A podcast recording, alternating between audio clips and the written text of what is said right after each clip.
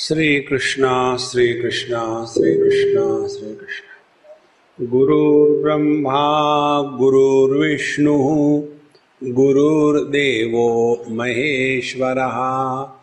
गुरु साक्षात् परम ब्रह्म, तस्म श्री गुरवे नमः। तस्म श्री गुरवे नमः। समस्या का तात्पर्य है जब हम अपने स्वरूप से पदच्युत हो जाते हैं तो उसको समस्या कहते हैं। जैसे दो पैर पर खड़े रहना, ये समस्या नहीं है। एक पर पर खड़ा रहना पड़े तो समस्या है। आँखें खुली हो गई, सब दिख रहा है, वो समस्या नहीं है। लेकिन आँखें खोलने के बाद ठीक से नहीं दिखना ये समस्या है। आँखें खुली हो गई, जो है वो नहीं दिखता, जो नहीं है वो दिख रहा है, ये समस्या है। तो समस्या कहाँ है? जहाँ हमारी अनुभूतियाँ होती है, वहाँ समस्या है। क्योंकि समस्या भी एक अनुभूति है। अब देखो समस्या ये है कि हम अपने ही से सीखते नहीं। इस एक चीज़ को आज पकड़ लो तो आपने स्वयं पर बहुत उपकार किए हैं। हमको अपने अनुभूतियों से सीखना है। ये आध्यात्मिक साधना। और जो व्यक्ति अपने अनुभूतियों से सीखना प्रारंभ करता है, उस व्यक्ति को जीवन में बाहर कोई चीज़ ढूँढने की आवश्यकता नहीं। देखो, हम लोग अपने ही अनुभूतियों से नहीं सीखते कैसे नहीं सीखते, उदाहरण ले लो। बचपन से आज तक हमने क्या किया? देखो तो यदि हमको ये समझना हो कि बचपन से हमने क्या किया तो केवल इच्छाओं को पूरा करना इसको छोड़कर कुछ नहीं किया। जब बच्चे थे, तब हमको खिलौने चाहिए। जब जवान हो गए तो खिलौनों की परिभाषा बदल गई। जब और जवान हो गए तो फिर दूसरी इच्छाएँ होने लग गई। तो बचपन से लेकर के आज तक हमने केवल इच्छाओं को पूरा करना इसको छोड़ करके कुछ नहीं किया है। एक बात अब दूसरी बात जब हमने अपनी इच्छाओं को पूरा किया तो क्या अंदर झाँक के देखा है कि इच्छाओं को पूरा करना माने जीवन में कृतकृत्यता फुलफिलमेंट इसका अनुभव आना है क्या? देखो, हमारा जो गणित है, वो गणित गलत हो गया है। हमारा गणित है fulfillment of desires is equal to fulfillment in life. This is wrong equation और इसीलिए ज़िंदगी पर एक ही पीछे पड़े हुए इच्छाओं को पूरा करो पूरा करो पूरा करो। तो पहली समस्या ये है कि हमको ये सीखना है। आपने देखा होगा बच्चों को आजकल नए डिजिटल सब खिलौने आ जाते हैं, टीवी पर देख लिया। उसके बाद फिर वो खरीद लिया। उस छोटे से गेम के साथ कब तक रहेगा बच्चा? एक दिन, दो दिन, चार दिन। ये थोड़ी आवाज़ कम करना यार। हाँ थोड़ी कम करना। मैं डर डर के बोल रहा हूँ। उधर के फ़ैन बंद कर बंद कर दो फ़ैन। तो वहाँ के फ़ैन। हाँ। ठीक है ना, आपको फ़ैन की आवाज़ ज़्यादा आ रही है, मेरी कम आ रही है। हाँ। अब मुझे भी अच्छा लग रहा। हम दोनों में कंपटीशन हो रही थी। मुझे लो, कई लोग मिलते हैं कहते हैं Swami ji I am your fan लेकिन घूमते नहीं। मैंने ऐसे फ़ैन है कि जो फ्यूज हो गए हैं। तो वहाँ हमने अपनी इच्छा को पूरा किया एक को पूरा किया दूसरी आ गई। दूसरे को पूरा किया, तीसरी आ गई, तीसरे को पूरा किया, चौथी आ गई। आपने देवी भागवत में, देवी महापुराण में सुना होगा कि एक कोई राक्षस था, उसको ऐसी ऐसा वर मिला था कि उसको मारो तो उसके हर एक बूंद से नया राक्षस पैदा होता था। उस राक्षस का नाम है काम। एक इच्छा को पूरा करो, दूसरी आ गई। और आदमी को इच्छा कब होती है? जब आदमी बिज़ी नहीं होता तब इच्छा होती है। बारिश के दिनों में बाहर भी नहीं जा सकते कुछ कर भी नहीं सकते। तो आ, बारिश का दिन है इतना अच्छा मौसम है गरम गरम चाय मिल जाए तो क्या मज़ा है इच्छा हो गई। तो थोड़ी देर के बाद बिचारी बीवी एक चाय बना के ले आती। चाय बनने के मिल गए, खुश हो गए क्या? हाँ। बारिश का मौसम, बढ़िया है चाय और पकोड़े नहीं, ये कोई बात हो गई। दूसरी इच्छा पैदा हो गई। अच्छा चाय आ गए, पकोड़े आ गए। मिर्ची के पकोड़े कई दिनों से नहीं खाए, तीसरी आ गई। तो ये इच्छाओं का कोई अंत नहीं है और इच्छा इसलिए होती है कि हम बिज़ी नहीं है। You're self occupied lesser the time we have at our disposal, more happy we are. बिल्कुल सिंपल गणित है ये। तो अपने आप को 24 घंटे में 24 घंटे बिज़ी रखो आप। देखो जीवन में बड़ा आनंद रहता है। एक बार हमारे मित्र बंबई की माँ थे उन्होंने हमको कहा वो हमको एयरपोर्ट पर लेने आते हैं। तो हम ऑस्ट्रेलिया से आए और बंबई में 24 घंटे भी नहीं रहे। दूसरी फ़्लाइट से लंदन जा रहे थे। तो उन्होंने हमको कहा, एयरपोर्ट पर स्वामी जी, अभी तो आप आए हो, फिर सुबह कल की आपकी फ़्लाइट है। क्यों दौड़ा भागी कर रहे हो आप? ना तो आपका कोई आश्रम है, ना कोई आगा है, ना कोई पीछा है। काहे को दौड़ा भागी कर रहे हो? हमें कहा, ठीक है कैंसिल कर दे। आपके यहाँ आके रह लेते। बोले, नहीं नहीं नहीं, ऐसी बात नहीं। ओ।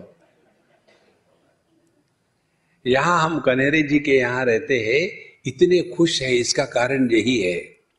पहले दिन जब हम आए, तब वो खुश थे। एक दिन बीत गया तो उतनी खुशी बढ़ गई। दो दिन बीत गए, और खुशी बढ़ गई। जब सात दिन बीत जाएँगे, हा, स्वामी जी गए।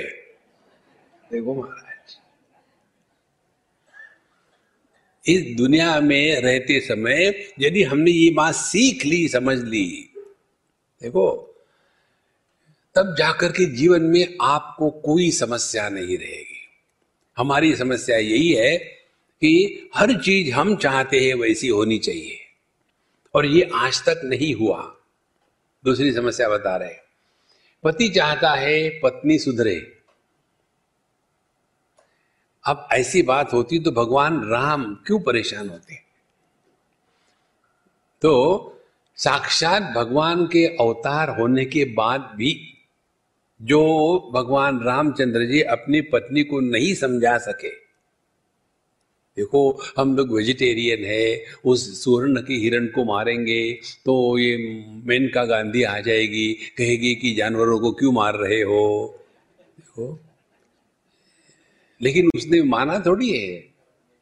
देखो संतो, इसीलिए सिंपल बात हम बताएँ आपको, जो जैसा है, उसको वैसा स्वीकार करो। ये थम रूल है। आपके जीवन की सब समस्या गायब हो गई।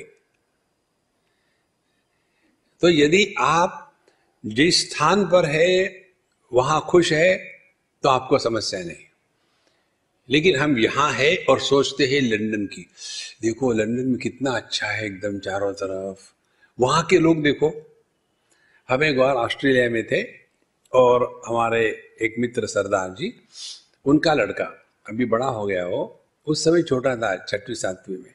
तो उसको पूछा मैंने, यार, तुम जाते हो इंडिया में कभी? बोले हाँ हर साल जाते बोले, नई बात बताओ कुछ? बोले, नई बात क्या है? जब हम इंडिया में होते हैं तो ऑस्ट्रेलिया की बात करते हैं। जब ऑस्ट्रेलिया में होते, इंडिया की बात करते हैं। यही तो हमारा जीवन चल रहा है। जहाँ है, वहाँ रहो आप। कोई समस्या नहीं। अब ध्यान से सुनना, ऐसा क्यों होता है? ये इसलिए होता है, कोई भी अपना मृत्यु नहीं चाहता। उसी प्रकार से हमारा मन स्वयं की मृत्यु नहीं चाहता। मन की खुराक है देश काल वस्तु व्यक्ति परिस्थिति। ये मन की खुराक है।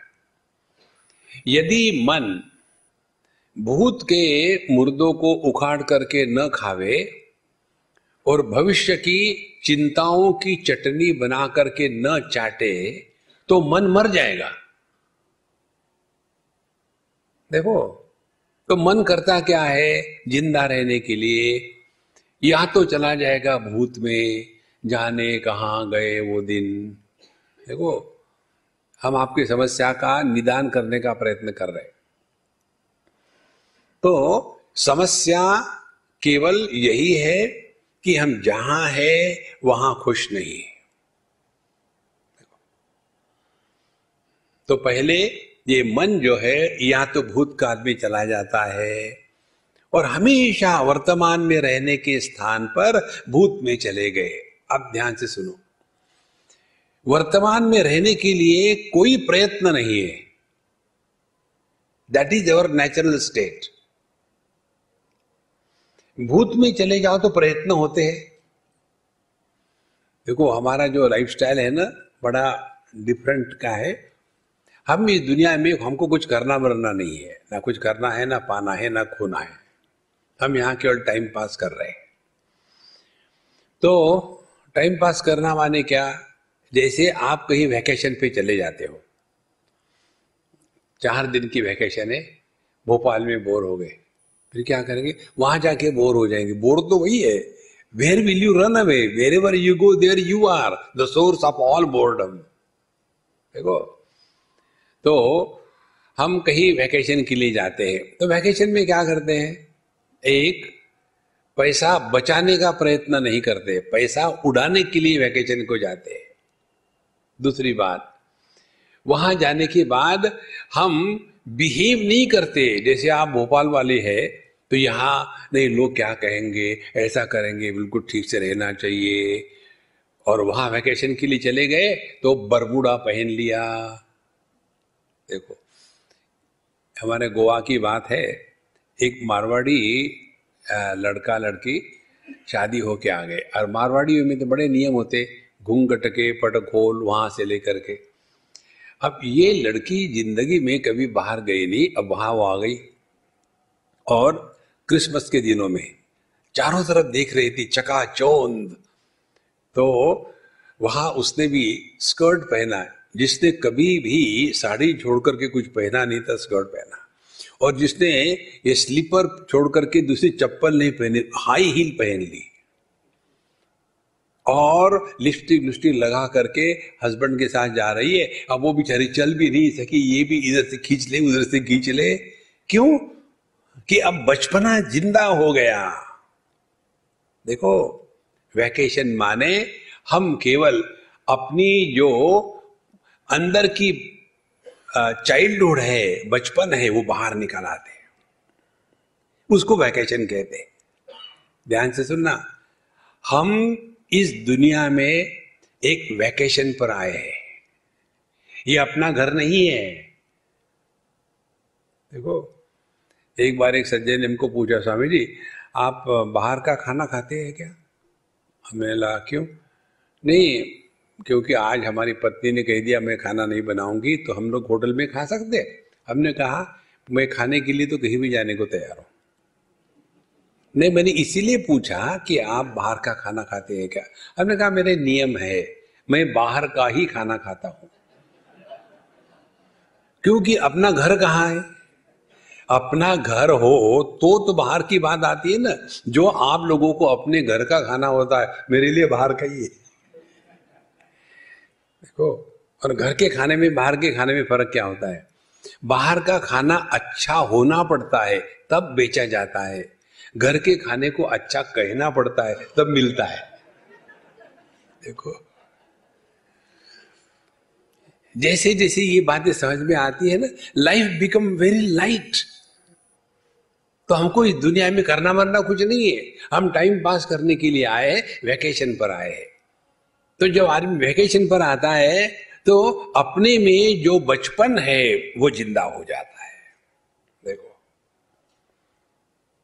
और कितनी भी जगह चले जाओ वेकेशन के लिए अल्टीमेटली क्या है, समझो आप आठ दिन के लिए गए तो जैसे जैसे जाने का, वापस जाने का समय आता है तो उत्सुकता बढ़ती है। नहीं, चलो बहुत हो गया अभी। अभी अपने भोपाल में जाएँगे, वहाँ मच्छरों के बीच में एट होम लगता है। और फिर वापस आ गए। और वापस आने के बाद ऐसे थोड़ी है कि वहाँ के जैसे फाइव स्टार फैसिलिटीज़ खटिया को खींचा, तीन टांग वाली खटिया, चौथी कुर्सी लगाई, वहाँ बैठे। और खटिया भी वो है जो संगीत में है, बैठो और फिर वहाँ से चाय मांगते चाय मिलेगी क्या फाइव स्टार के जैसे सर ऐसी नहीं चाय मिलती। फिर वहाँ गए चाय मांगने के लिए तो उन्होंने कहा कि देखो थैंक यू वेरी मच मैंने दे, मैंने देखा। तो जब उन्होंने मांगी चाय तो कोई प्यार से थोड़ी देता है घर में चाय। सुबह से शाम तक चाय पीते रहते पीते रहते। और डांट डूट करके बहरे कप में चाय दी। बहरा कप माने उसको कान नहीं है। बढ़िया क्रोकरी नहीं। और उस कप के होठ कटे हुए है। उसमें जो आनंद आता है, वो फाइव स्टार होटल में नहीं आता। इसी प्रकार से ये दुनिया में रह करके आपको असली आनंद नहीं आएगा महाराज। और इसीलिए हम सभी के सभी रोज अपने घर लौटते हैं टेम्पररीली और वो अपना घर है, सुषुप्ति अवस्था में पहुँच गए तो कितना आनंद है। इसीलिए कई लोग सत्संग में इसीलिए आते हैं। अपने घर पहुँच गए। हमको इसीलिए जो लोग सत्संग में सोते हैं ना, उनके प्रति बहुत आदर है। क्योंकि सोना माने क्या? वापस लौट गया है तो समस्या यही है कि हमारा मन जो है, वो वर्तमान में नहीं रहना चाहता। हमेशा इधर उधर भटकेगा। तो पहले तो मन काल में भटकता है। तो काल में भटकने के लिए या तो भूतकाल की बातें, या तो भविष्य की चिंता। अब देखो, दोनों में क्या फ़र्क है? वर्तमान में रहना या भूत भविष्य में भटकना, क्या फ़र्क है? समस्या फिर आपको समझ में आएगी। हमको अनेक जगह जाना पड़ता है। एक जगह हम गए, हिल स्टेशन था। और हमारे जो होस्ट थे, उन्होंने अपने माता पिता या दादा दादी किसी को बुलाया था। उस समय हम जवान थे। बहुत पुरानी बात है। शिमला के करीब कसौली की बात है। और वहाँ जाने के बाद ये बुढ़ाऊ के साथ हमको बैठना पड़ा। हम बैठे। फिर उन्होंने पूछा, स्वामी जी, आप पहले कभी आए थे यहाँ? नहीं आए थे। अब हमने पूछा तो नहीं था, आप कब आए थे? उन्होंने बताया, नहीं, हम तो यहाँ, हमारी जब शादी हो गई थी ना 1922 की बात है, तब हम यहाँ आए थे। जैसे पति उवाच 19 को 22 में आए थे, पत्नी का विरोध, पत्नी माने विरोधी पक्ष। और उसने शुरू कर दिया। 1922 में आए थे शादी के बाद। किसी और के साथ शादी करी होगी आपने? मेरे साथ नहीं। नहीं, उन्नीस को बाईस में आए। नहीं नहीं, हम बत्तीस में आए थे। अब वो दोनों को, अब बुढ़ाओ का झगड़ा। उन्नीस सौ बत्तीस या बाईस। अब मुझे क्या फ़र्क पड़ता है? आप ना भी आओ तो। ध्यान से सुनना। जब आप भूत में जाते हो तो आपको प्रयत्न करना पड़ता है। जहाँ प्रयत्न है, वहाँ आप नॉर्मल नहीं हो। देखो, जहाँ प्रयत्न है, वहाँ आप थक जाओगे। जैसे, उदाहरण ले लो। जैसा टीचर होता है, वैसी पनिशमेंट होती है। समझो मैं मिलिट्री का टीचर हूँ, सुबेदार मेजर। तो मुझे क्या करना होगा कि सबको सिखाना होगा left turn right turn about turn तो किसी ने गलती करी तो मैं पनिशमेंट दूँगा टीचर होने के नाते। तो क्या पनिशमेंट होगी? 20 किलो का हैवर सैक पीछे, जूते पहनो और राइफल ले लो और परेड ग्राउंड के राइफल को ऊपर उठा करके इस प्रकार से 21 राउंड लगाओ। पनिशमेंट। मिलिट्री का टीचर हूँ ना? यदि संस्कृत का टीचर हूँ तो? गलती करी? ठीक है। राम हा रामो, राम हा रामम, रामो, रामा लिख के निकालो 121 बार। पनिशमेंट है। यदि मैं आध्यात्मिक टीचर हूँ और ब्रह्मचारी ने गलती करी तो भगवत गीता संस्कृत में छत्तीस बार लिखो। वहाँ पर लिखना है, धृतराष्ट्र वहाँ ध्रुव ध्रुव कैसा लिखते ऐसा कि ऐसा स्वरूप और यदि मैं योगा का टीचर हूँ तो? योगा का टीचर क्या पनिशमेंट देगा? तुम अभी इक्कीस हज़ार बार प्राणायाम करो। इक्कीस हज़ार बार प्राणायाम नाक टूट जाएगा बाबा। अच्छा कितना कर सकते हो? इतना नहीं कर सकते। अच्छा इक्कीस सौ इक्कीस सौ भी बहुत है। इक्कीस बार तो करो अच्छा कर लेते ध्यान से सुनना। इक्कीस बार प्राणायाम करने में हम थक जाते हैं। कभी ये सोचा है कितने बार हम सांस लेते हैं? हम 200 1600 बार सांस लेते हैं every day per minute 15 times तो कभी किसी ने कहा है मैं इतनी सांस ले रहा हूँ, अब थक गया, अब नहीं लूँगा सांस। कारण क्या है? सांस लेने में प्रयत्न नहीं है, प्राणायाम करने में प्रयत्न है। जहाँ प्रयत्न है, वहाँ थकावट है।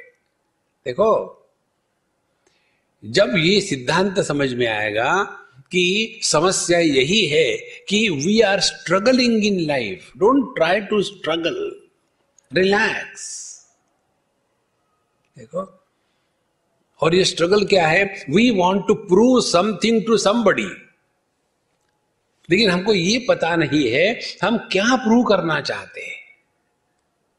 इसीलिए जीवन में समस्या है। उदाहरण दे दो आपको एक। एक बार हम यहाँ से गए बंबई से इंग्लैंड। हिथ्रो पर उतरे। आठ नौ घंटे की फ़्लाइट और एक अम्मा मुझे लेने के लिए आई, जहाँ से तीन घंटे की ड्राइव थी। एक चर्च में हमारा लेक्चर था। मैसेज ऑफ़ गीता तो जब हम निकले एयरपोर्ट से, निकलने के लिए एक घंटा और तो नौ, एक, दस घंटे हो गए। फिर जब निकले तो हमने कहा थोड़ी देर के बाद कि अम्मा, हम शायद गलत रास्ते से जा रहे तो उसको गुस्सा आया। स्वामी जी, पिछले छत्तीस साल से मैं यहाँ हूँ। मुझे मालूम है कहाँ के रास्ते क्या है। हमने, ठीक है but that doesn't disqualify you from making mistakes नहीं माना। चल पड़ी।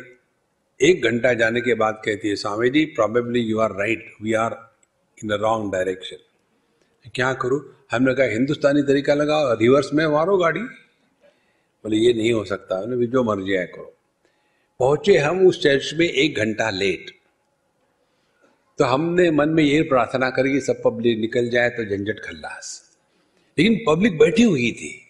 अब बोलना ही है हम सीधे गए, एक डेढ़ घंटा भगवत गीता पर प्रवचन हो गया, चाय पानी होगा सोशलाइजेशन हो गया डिनर किया। उसके पश्चात हम एक डॉक्यूमेंट्री देख रहे थे बीबीसी की टिबेट पर, बड़ी सुंदर डॉक्यूमेंट्री थी।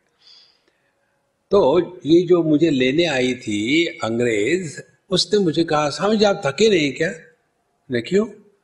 बोले, आप जाके सो जाओ, ऐसे is none your business you mind your business I will do whatever I want no I want to be like you how come you are not tired हमने कहा you cannot be like me क्यों beard कहाँ है?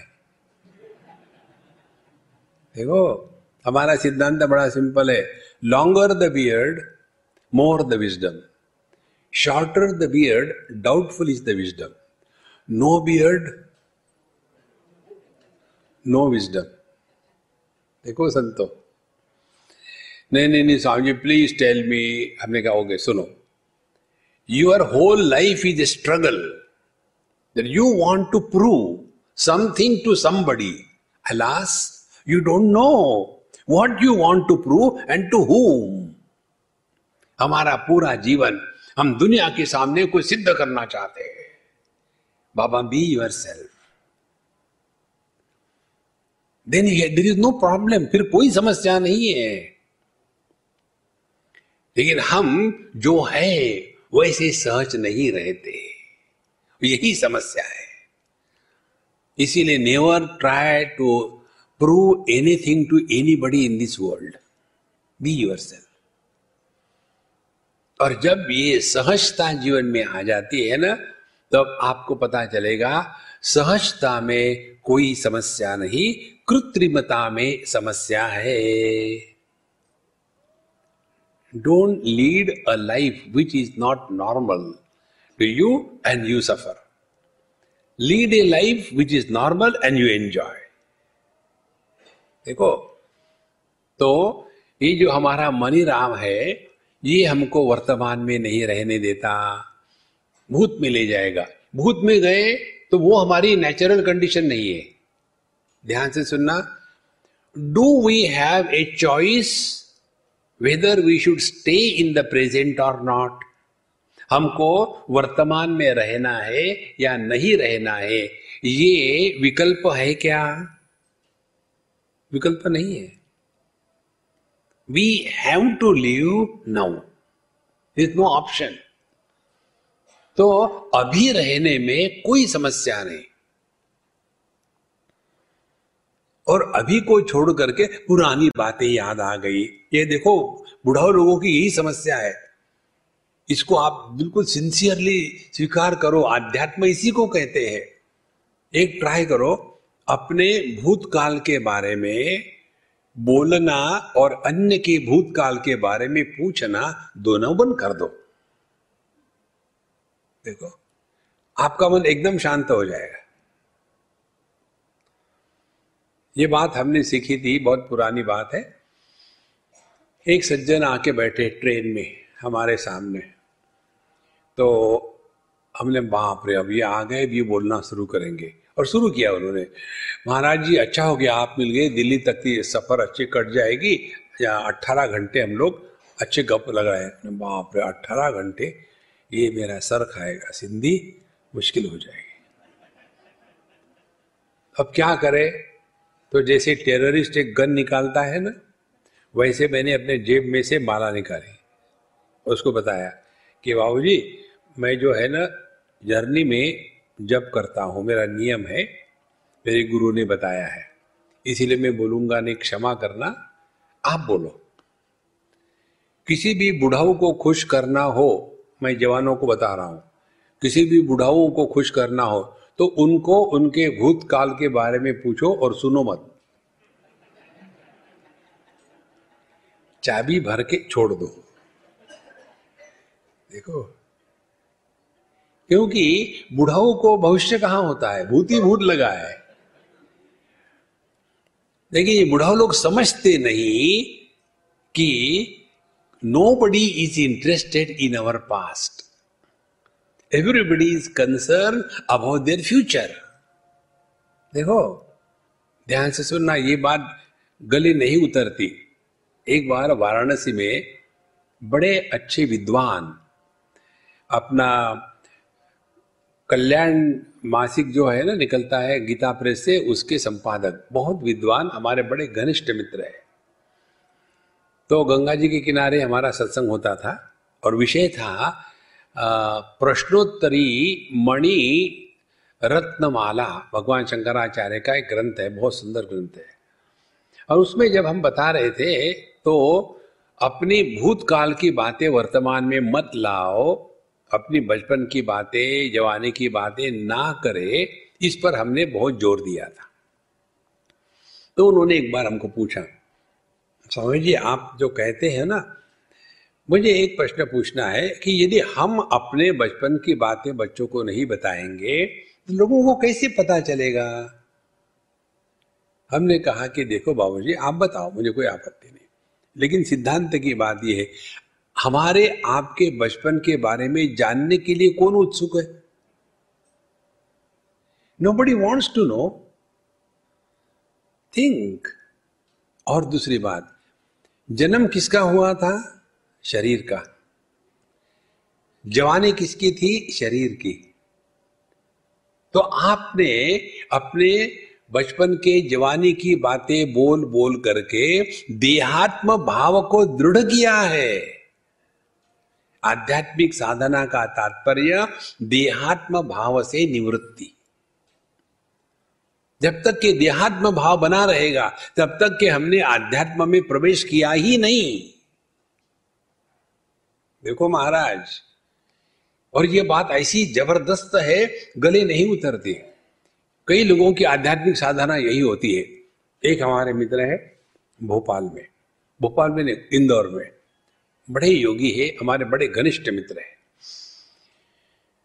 वो और हम हर साल मिलते हैं एक जनवरी से सात जनवरी तक, दिल्ली बम्बई में।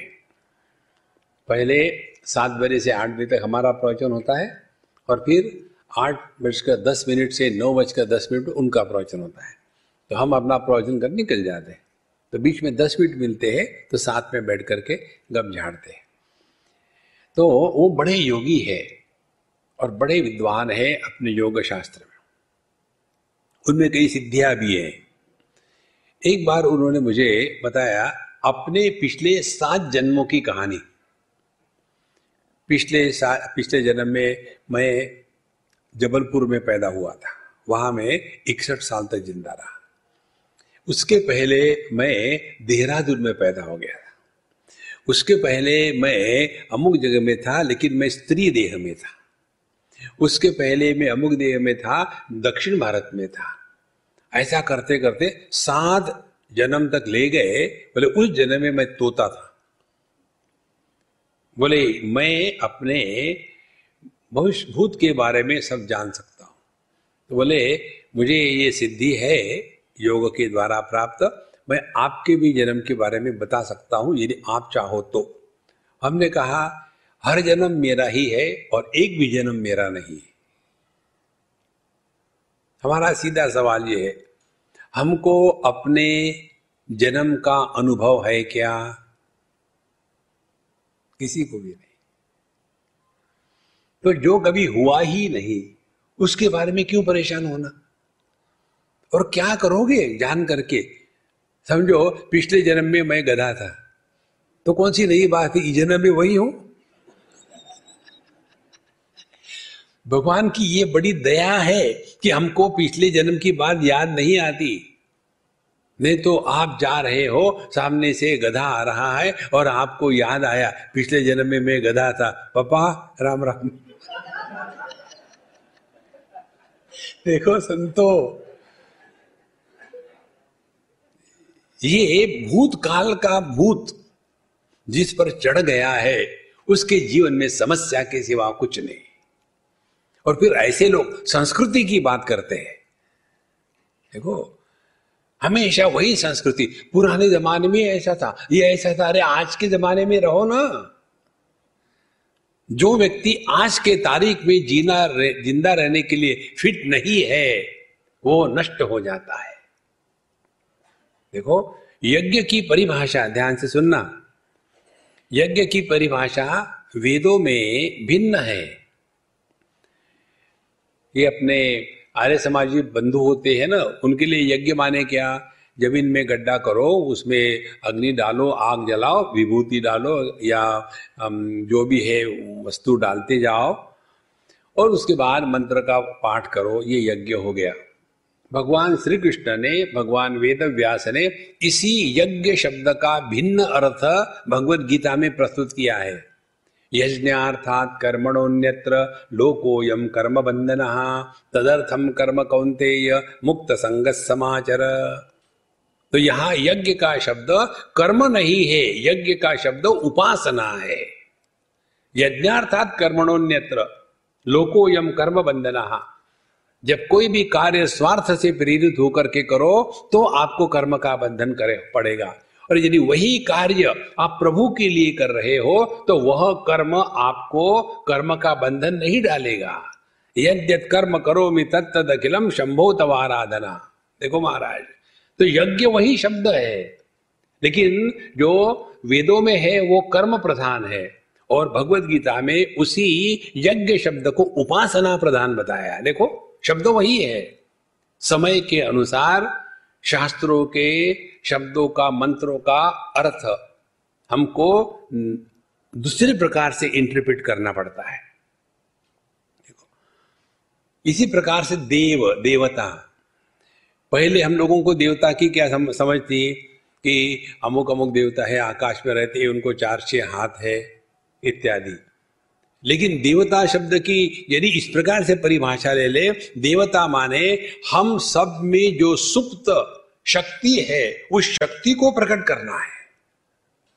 देखो, भगवत गीता में ये विषय आता है वहाँ भगवान कहते हैं कर्म के सिद्धांत को बताते समय, पहले कर्म जो है, यज्ञ कर्म,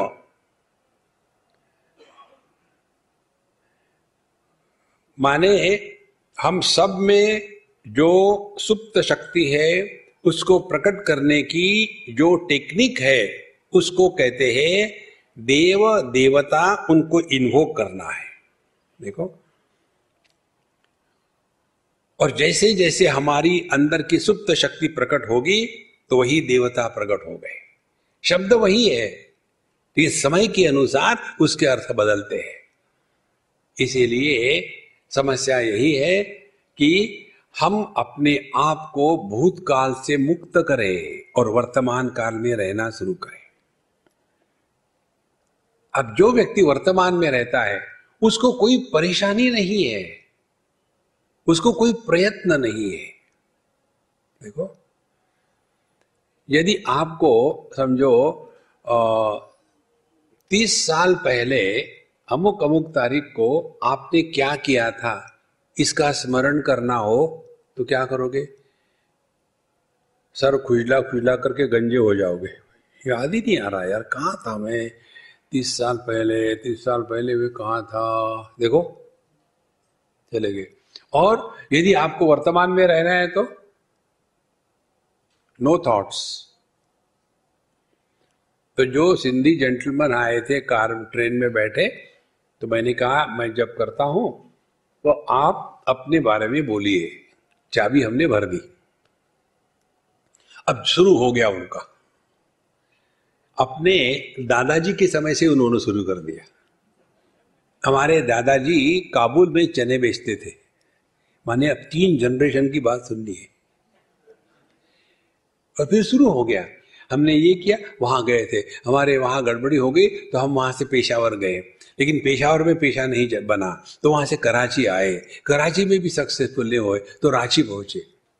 रांची मालूम ने पागल खाना है। रांची में पहुँचे। वहाँ भी हम एडमिट नहीं हुए कि महापागल थे, इसीलिए महाराष्ट्र में आ गए। और महाराष्ट्र में आकर के फिर यूएसए चले गए। यूएसए माने उल्लासनगर सिंधी एसोसिएशन और वहाँ जाकर के हमने लोगों के जेब और गले काटना शुरू कर दिया। अरे बाप रे, नहीं, हम टेलर है, इसलिए बोल रहे टेलर लोग गले और जेब काटते हैं। तो हमने ये किया, ऐसा किया, फिर शादी हो गई, ये शुरू हो गया।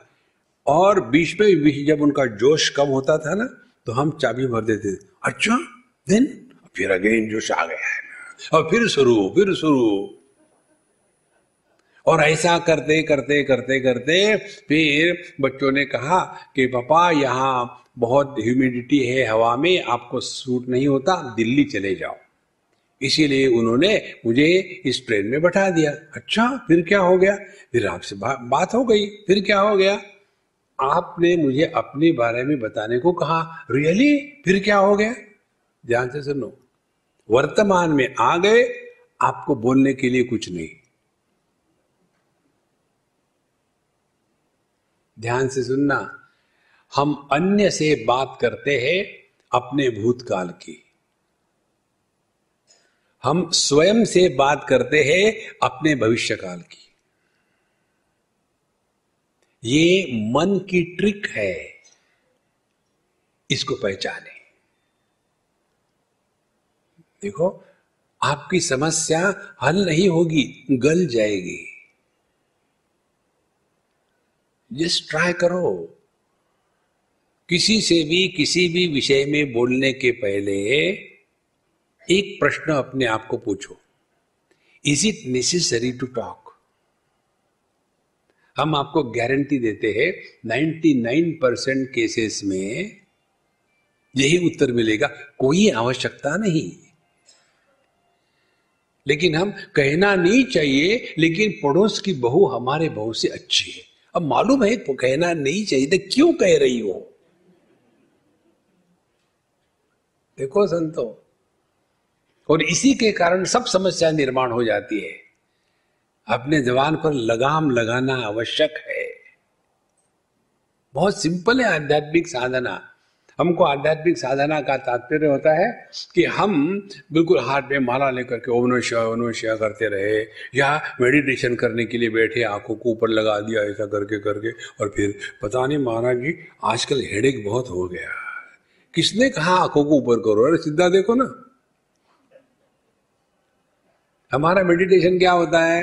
हमारा मेडिटेशन होता है, महाराज जी, जब हम ध्यान के लिए बैठते तो बहुत भयानक विचार मन में आते हैं, क्या करो? मत करो ध्यान कल्लास। किसी ने कहा है, ध्यान करो करके। नहीं, लोग कहते करना है, फिर करते रहो। देखो महाराज, हमारी समस्या मालूम है क्या है?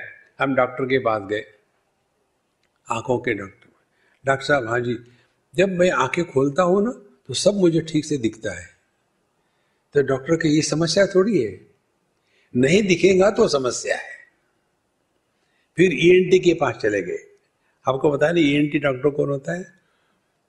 The one who catches your ear ask you to pay through nose if you don't he cuts your throat E N T उसके पास चले गए।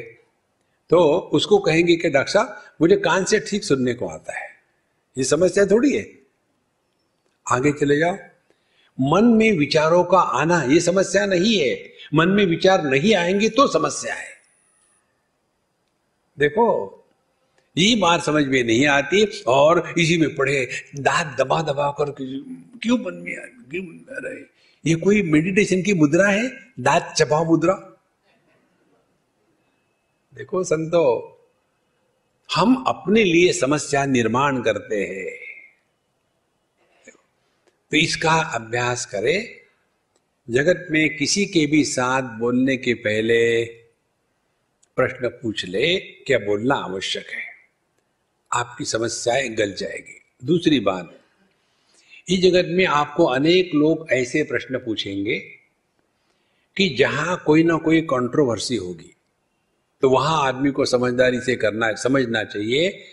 जगत के हर विषय को लेकर के, हर प्रश्न को लेकर के हमको उत्तर देना अवश्य नहीं है। You are not oblige to answer every question देखो, कोई पूछता है हम जी, आपका, उसके बारे में क्या ओपिनियन ओपिनियन है ही नहीं अपना? कल्लास। देखो, हम बेंगलोर में थे, बहुत पुराने। उन दिनों में राम जन्मभूमि गर्म थी। खूब चारों तरफ़ हो रहा था। कम से कम 20-25 साल पहले की बात है। बहुत बड़ा समुदाय था और हम तीन चार लोग बैठे थे और प्रश्नोत्तरी हो रही थी।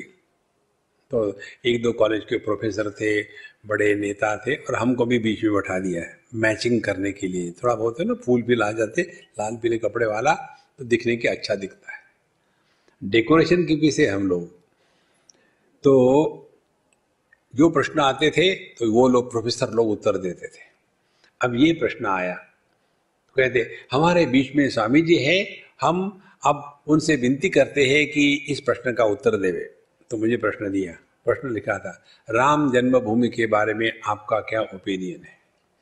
हमने कहा, देखो, आप लोग बहुत सुन चुके हो और मुझे तो कुछ आता नहीं, मैं तो छोरा गंगा किनारे वाला हूँ, मुझे कोई ज़्यादा आता नहीं, इसीलिए मैं आपको कहानी बताता हूँ। तब टेंशन खत्म। फिर कहानी ये बताई, इस दुनिया में अनेक बातें हैं, जैसे लड़कियाँ बाल क्यों काटती है? मुझे कोई ओपिनियन नहीं। कोई ज़रूरत है ओपिनियन रखने की? नॉट नेसेसरी लोग नॉन वेजिटेरियन क्यों खाते हैं? मुझे कोई ओपिनियन नहीं। हमको लोग कुछ भी प्रश्न पूछते हैं, आपको पता नहीं। एनी क्वेश्चन पिछले बार की बात है बकरी ईद की। आजकल बकरी ईद चल रही है ना? आज ही है क्या? लो, देखो प्रभु की इच्छा। पिछले बार बकरी ईद का समय था, हमको पूछा स्वामी जी, इसको बकरी ईद क्यों कहते अरे हद यार, तू कोई दूसरा प्रश्न पूछो। ना तो मैं मुसलमान हूँ, ना मुझे कुछ मालूम है। बोले, नहीं, आपको सब मालूम है। इसको बकरी क्यों कहते हमने कहा, मेरी कल्पना ऐसी है। इस दिन बकरे को बलि चढ़ाते हैं। इसीलिए बकरिया खुश। बकरा ईद नहीं है, बकरी ईद है।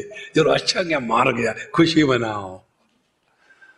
देखो, संतो तो हमने कहा कि देखो, अनेक विषय ऐसे हैं जिसके बारे में हमको कोई ओपिनियन नहीं है। और ओपिनियन रखने की आवश्यकता भी नहीं। अब आगे चले जाओ।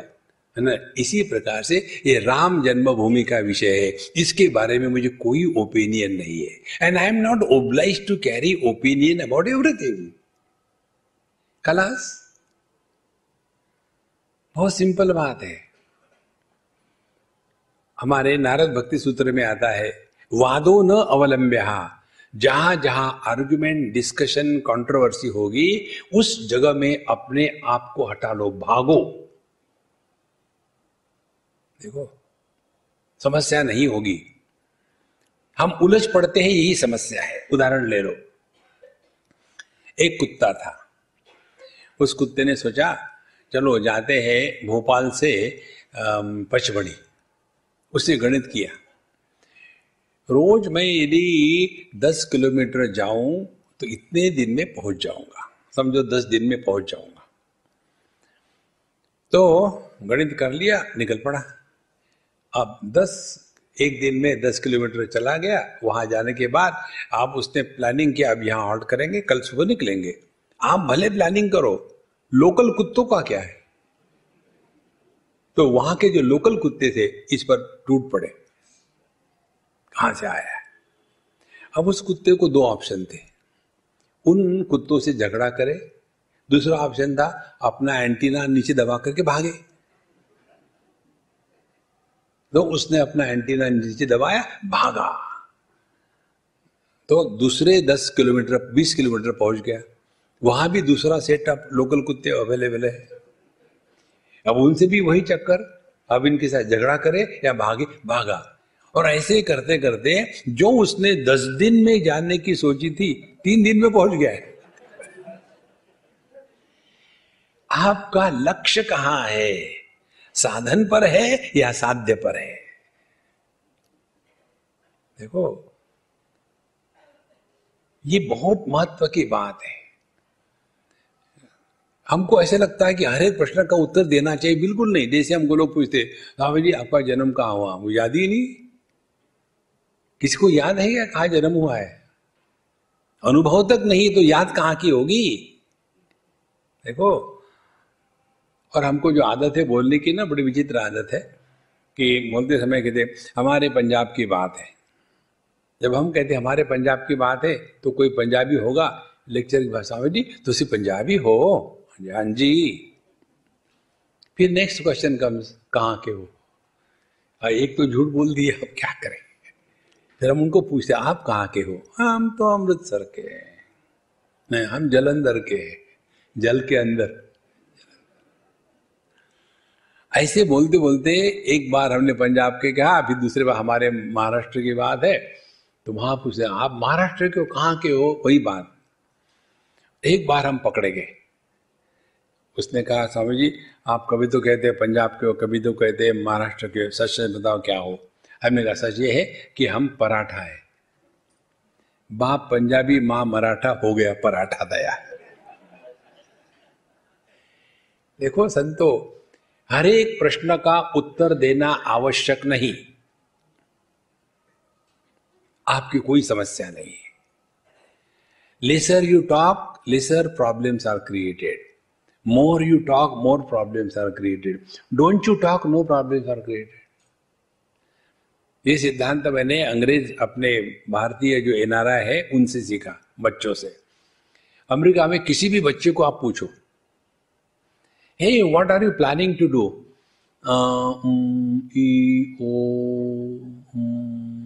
I don't know एक ही उत्तर है। ये पहले जो हुंकार है, पता नहीं कहाँ से आते हैं। देखेंगे आप, वहाँ का एक भी बच्चा बिना हुंकार के बोल नहीं सकता। कुछ भी को उनको। Will you like to take food oh I don't know अब ये आई डोंट नो इतना सुंदर उत्तर है, अब वो मैंने इन अपने एक्सेप्ट कर लिया है। कोई पूछना साहब जी? उसके बारे में आई डोंट नो ओवर समस्या तब होती है जब हम अपने से दूर भागते हैं भूतकाल में। वर्तमान में आ जाओ, कोई समस्या नहीं। तो जगत के साथ बात करेंगे तो हम चले जाएँगे भूतकाल में। अच्छा मनीराम को ज़िंदा रहना है, इसीलिए मन भविष्य में दौड़ता है। तो जब हम अपने साथ बात करते हैं, अंदर तो भविष्य की बात होती है। देखो, अब यहाँ से घर जाएँगे, खाना गर्म करेंगे, लेकिन गैस तो है भी तड़का लगाएँगे सुबह के खाने को, उसी को कर लेंगे। अब यहाँ बैठे और अंदर में प्लानिंग चल रहा है। तो ये मन की दो बातें समझ लो, ये समस्या है। मन या तो भूत में जाएगा या भविष्य में जाएगा। मन को भूत भविष्य में जाना, बंद कर दो, आपकी सब समस्या शांत हो गई। ध्यान से सुनना। जब आप सौ प्रतिशत वर्तमान में रहना शुरू करोगे तो आपके हृदय में इंट्यूटिव नॉलेज देखो, प्रकट होने लगेगा। जिसको कहते हैं योग शास्त्र में ऋतम भरा प्रज्ञा। ऋतम भरा प्रज्ञा का तात्पर्य है, हमको वह ज्ञान प्राप्त होता है जो ज्ञान कार्य कारण के परे है। इसकी सीक्रेट यही है you are hundred percent available in the utter present आप वर्तमान में सौ प्रतिशत उपलब्ध हो। क्योंकि भूत भविष्य ये कॉज इफ़ेक्ट है। कारण भूत में होता है, कार्य भविष्य में होता है। जहाँ वर्तमान में आ गए कारण भी नहीं, कार्य भी नहीं। देखो, इसको कहते हैं ऋतंभरा प्रज्ञा इंट्यूटिव नॉलेज इसका हम आपको उदाहरण देते हैं। दिल्ली की बात है, बहुत पुरानी 93 या 92 की होगी। लाल किले के पास एक हमारे मित्र है, बहुत बड़े महात्मा है। और उन्होंने भागवत कथा वहाँ करी थी। तो हम उन दिल्ली में थे, आने लगे, हम भी आकर के सुनेंगे। बोले, स्वामी जी, आप ही आ जाओ और आप सामने बैठना मेरे। ठीक है। इतना बड़ा उन्होंने मंच बना दिया। थ्री स्टोरीड पहला, चौड़ा, उसके ऊपर दूसरा, उसके ऊपर तीसरा। तो हम दूसरे उस पर बैठते थे। ये महात्मा ने तीसरे, चौथे पे बैठ के वहाँ से बहुत बड़ा आयोजन हुआ था। तो भागवत जी को सर के ऊपर लेकर के प्रदक्षिणा करनी है।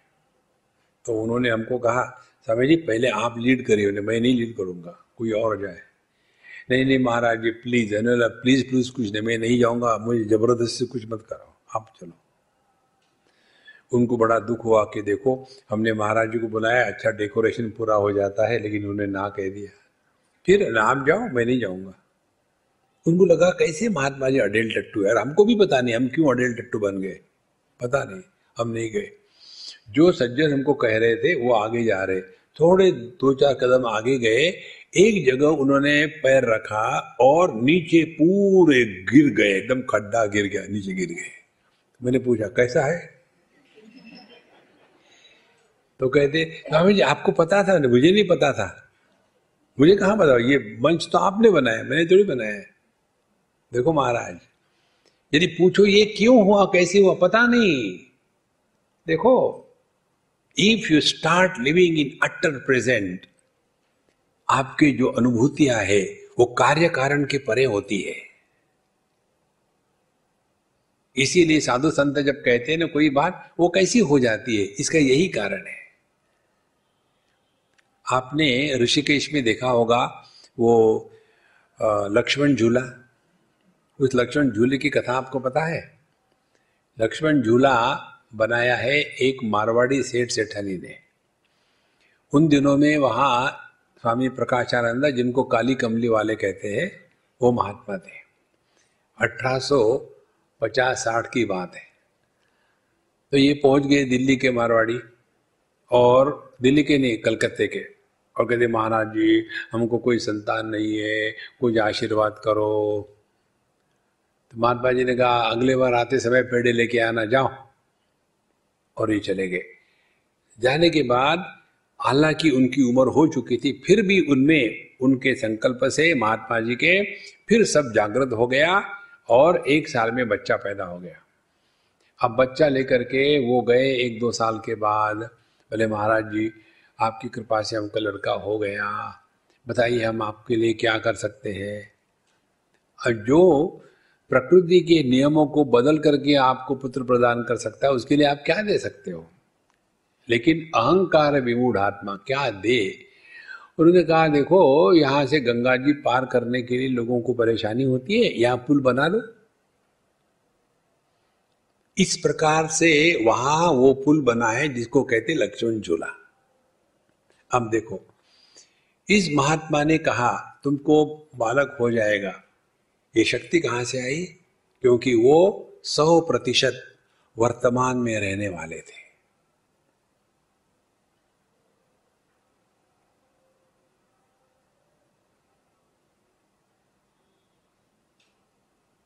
समस्या हमेशा भूत भविष्य की होती है।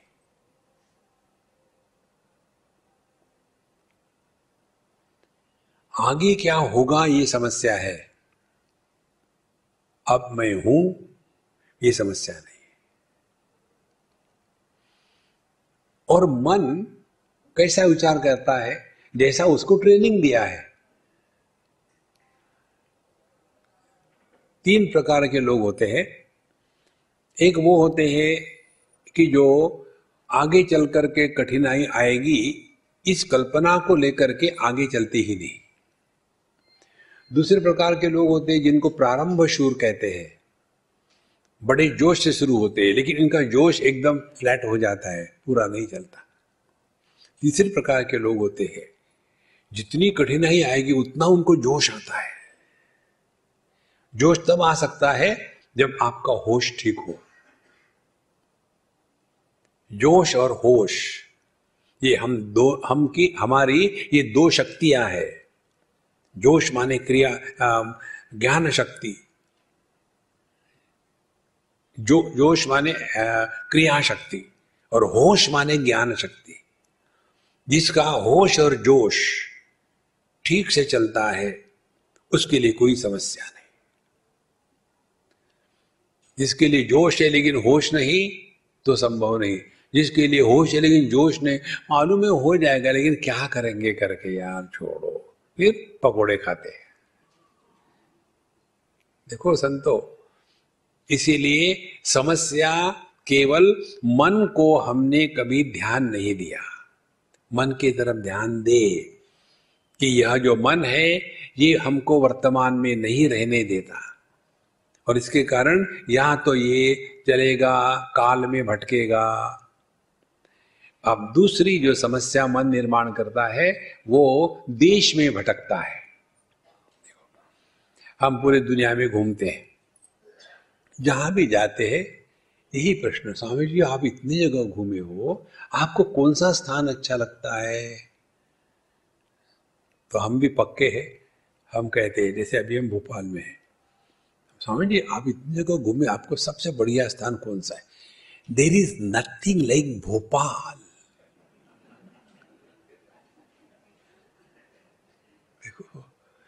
क्योंकि अब हम यहाँ है, यही मौज में रहो ना। यदि ये कल्पना करो, आप हो भोपाल में और कल्पना करो, नहीं, स्विट्जरलैंड अच्छा है। माने वो अच्छा हो ना हो, ये खराब हो गया। देखो, ये बड़ी सिंपल बात है। जहाँ है, वहाँ मस्त है बस। ये कल्पना मत करना, वहाँ जाने के बाद खुश होंगे।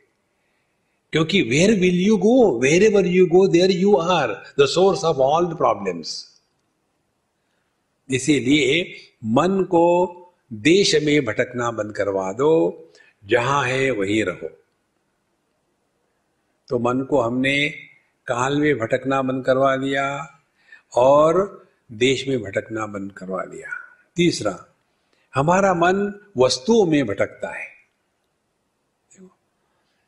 तीन स्टेजेस होती है, जानाती, इच्छति और करोती।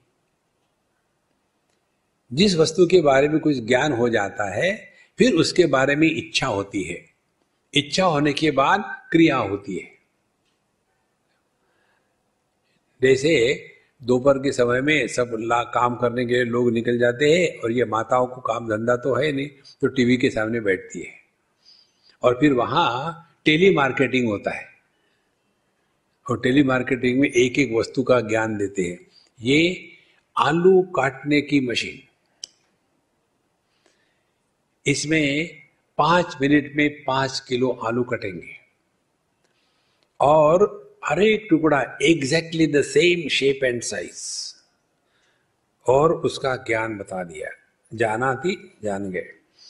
फिर आगे बताते MRP twenty one thousand rupees यदि इस समय आप फ़ोन लेकर के ऑर्डर करोगे तो twenty one hundred rupees twenty one thousand से ट्वेंटी वन हंड्रेड भाई गॉड, कितना फ़ायदा हो रहा है। उसके बाद तुरंत फ़ोन घुमाया, पैसे पेमेंट कर दिए कार्ड से, मशीन आ गई। घर में रहने वाले कितने हैं? हम दो, हमारा कोई नहीं। ये दो ही है, मियाँ बीवी। अब वो मशीन तो आ गई। अरे, पाँच किलो आलू काट के क्या चाट की दुकान लगाएँगे? तीन चाहिए ना? देखो, इस प्रकार से जहाँ हम अनावश्यक वस्तु का ज्ञान इकट्ठा करते हैं, उस वस्तु के प्रति मन में अनावश्यक इच्छा प्रकट हो जाती है। और फिर वही समस्या बनती है। देखो संतो, इसीलिए मन को काल में भटकना बंद करवाना है, देश में भटकना बंद करवाना है, और वस्तुओं में भटकना बंद करवाना है।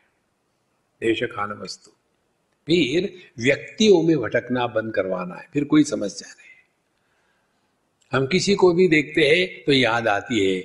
इनको देखा हमने, हमको याद है, हम वहाँ गए थे ऐसे ऐसे जन्म लेते। किसी ने पूछा नहीं, हम ही बोले जाते हैं। नो बडी आसस इस प्रकार से मन हमको, हम जहाँ है, वहाँ नहीं रहने देता। देखो संतो। और पांचवी सबसे महत्व की स्थिति, हमारा मन परिस्थितियों में भटकता है। बच्चे कहेंगे, हम एक बार की बात है दिल्ली की। साउथ इंडियन फैमिली थी। चौथे मंजिले पर रहते थे गवर्नमेंट क्वार्टर में। हम धक्के खा के ऊपर पहुँचे। खाने के लिए हर जगह पहुँचना पड़ता है, पहुँच गए। तो वहाँ जाने के पश्चात जैसे घर में घुसे, हमको जरा टेंशन सा लगा वहाँ। तो बैठने के बाद हमने कहा कि अम्मा, कहाँ गए बच्चा पार्टी बोले स्वामी जी उस कमरे में बैठे। क्योंकि ड्राइंग रूम में उनके पति तो पावन सीताराम बैठे थे और ऐसा मुँह फुला हुआ गांधीर्य हमको गांधीर्य अच्छा नहीं लगता। तो वहाँ से उठ करके बच्चों के पास गए। तो उसके आ, उन बच्चों की माँ ने कहा बेटा बाहर आ जाओ स्वामी जी आ गए। तो बच्चे बाहर आ गए। लेकिन घर में टेंशन था तो बैठने के बाद उन्होंने कहा यार वो आज लेटेस्ट आजकल जीन आई है मालूम है? जरी की बॉर्डर वाली जीन आई है मालूम है तुमको? खरीदी है क्या तुमने? चुप हो गए। कोई बोला नहीं। हमने कहा आजकल वो नाइकी के नए जूते का फ़ैशन आ गया है। डिड यू बाय दैट फिर चुप हो गए। तो मैंने कहा, मुझे मालूम है, क्या पापा कहते होंगे, जब हम छोटे थे तो नंगे पैर जाते थे स्कूल में, और तुमको हर दो महीने में नए जूते चाहिए, क्या ज़रूरत है? जब हम छोटे थे, उस समय बिना चड्डी के जाते थे स्कूल में, तुमको चार चार पैंट चाहिए, क्या ज़रूरत है? ऐसा जब हमने कहा, बच्चे भी हंस पड़े और बाप भी हंस पड़ा, क्योंकि वहाँ जाने के पहले वही डायलॉग हो गए थे। जब हम छोटे थे, अरे यार हु केयर्स देखो संतो, ये पाँच चीज़ों से जिसने अपने आप को बचाया, उसने समस्या से अपने आप को बचाया। देश काल वस्तु, व्यक्ति, परिस्थिति। इन पाँच से बचा दो। जब ये आपने किया है, आपका मन आपको परेशान नहीं करेगा। इसके लिए योग साधना है। हम लोग बैठते तो है मेडिटेशन के लिए। और नॉर्मली हमारा मेडिटेशन क्या होता है? It is not control of mind but it is the control of mind it is not control of mind but a complain about mind complain करना सबसे आसान बात है। कोई मिला नहीं कंप्लेन करने के लिए। भगवान तो हर जगह उपलब्ध है। दुनिया बनाने वाले, काहे को दुनिया बनाई तुमको परेशान करने के लिए। देखो ये कंप्लेन करना छोड़ दे। अब ध्यान से सुनो, यदि मन के कारण हम परेशान है तो हमको मन पर ही कुछ करना पड़ेगा। देखो तो मन को नियंत्रण लाने के लिए योग शास्त्र में अष्टांग योग में आठ सीढ़ियाँ बताइए। यम, नियम, आसन, प्राणायाम, प्रत्याहार, धारणा, ध्यान, समाधि। आठ। तो उसमें की पहली जो चार है, यम, नियम, आसन, प्राणायाम, इसको कहते हैं बहिरंग साधना। बाहर की चीज़ों से अपने आप को बचाना। उसके बाद आती है प्रत्याहार अपने व्यक्तित्व में प्रवेश करने वाले विषयों को रोकने के लिए इंद्रियों के दरवाजों को बंद कर देना। उसको प्रत्याहार कहते हैं। और फिर अब अंदर चले गए। अंदर जाने के बाद अब मन पर कार्य करना है। उसको कहते हैं धारणा ध्यान समाधि। तो योग शास्त्र में ये तीन बातें हैं। पहले बहिरंग साधना, दूसरी इंद्रियों पर नियंत्रण और तीसरा अंतरंग साधना, जहाँ हम अपने मन पर कार्य कर रहे हैं। अब देखो एक उदाहरण देते हैं आपको। हम खाना खाने में बहुत प्रोफेशनल है और बहुत खाते हैं। तो हमको कम से कम आठ चपाती लगती है खाने के लिए। आठवीं चपाती खाता हूँ, तब तो लगता है हाँ अब मध्य प्रदेश भर गया। एक बार हमने चिंतन किया, यार, ये आठ चपाती खाने में टाइम बर्बाद होता है। तो हमने क्या किया, वहाँ आठ चपाती रख दी सामने। एक, दो, तीन, चार, पाँच, छः, सात, आठ, ये आठवीं चपाती। तो पहले ही आठवीं चपाती खा गया। और देखा, पेट भरा ही नहीं। अरे, क्या हो गया आज? रोज मैं आठवीं चपाती खाता हूँ तो पेट भरता है। आज आठवीं चपाती पहले खाई तो क्यों नहीं पेट भरा? तो गुरु महाराज के गुरु महाराज ऐसा क्यों हो गया? उन्होंने कहा, बेवकूफ़, ये आठवीं चपाती में पेट भरने की क्षमता पहले सात चपाती खाने के कारण आती है। अच्छा मैं सोच रहा था शॉर्टकट मारेंगे। जो आध्यात्मिक जीवन में शॉर्टकट चाहते हैं दे आर कट शॉर्ट आध्यात्मिक जीवन में शॉर्टकट नहीं होता। हम लोग मेडिटेशन करने वाले जो है ना, वो शॉर्टकट ब्रांड है। यम नहीं किया, नियम नहीं किया, आसन नहीं समझा, प्राणायाम का पता नहीं, प्रत्याहार की कल्पना नहीं, धारणा नहीं, ध्यान नहीं, पहली सात चपाती नहीं खाई और डायरेक्टली समाधि और फिर समस्या। महाराज जी ध्यान के बाद उठने के बाद सर इतना भारी हो जाता है।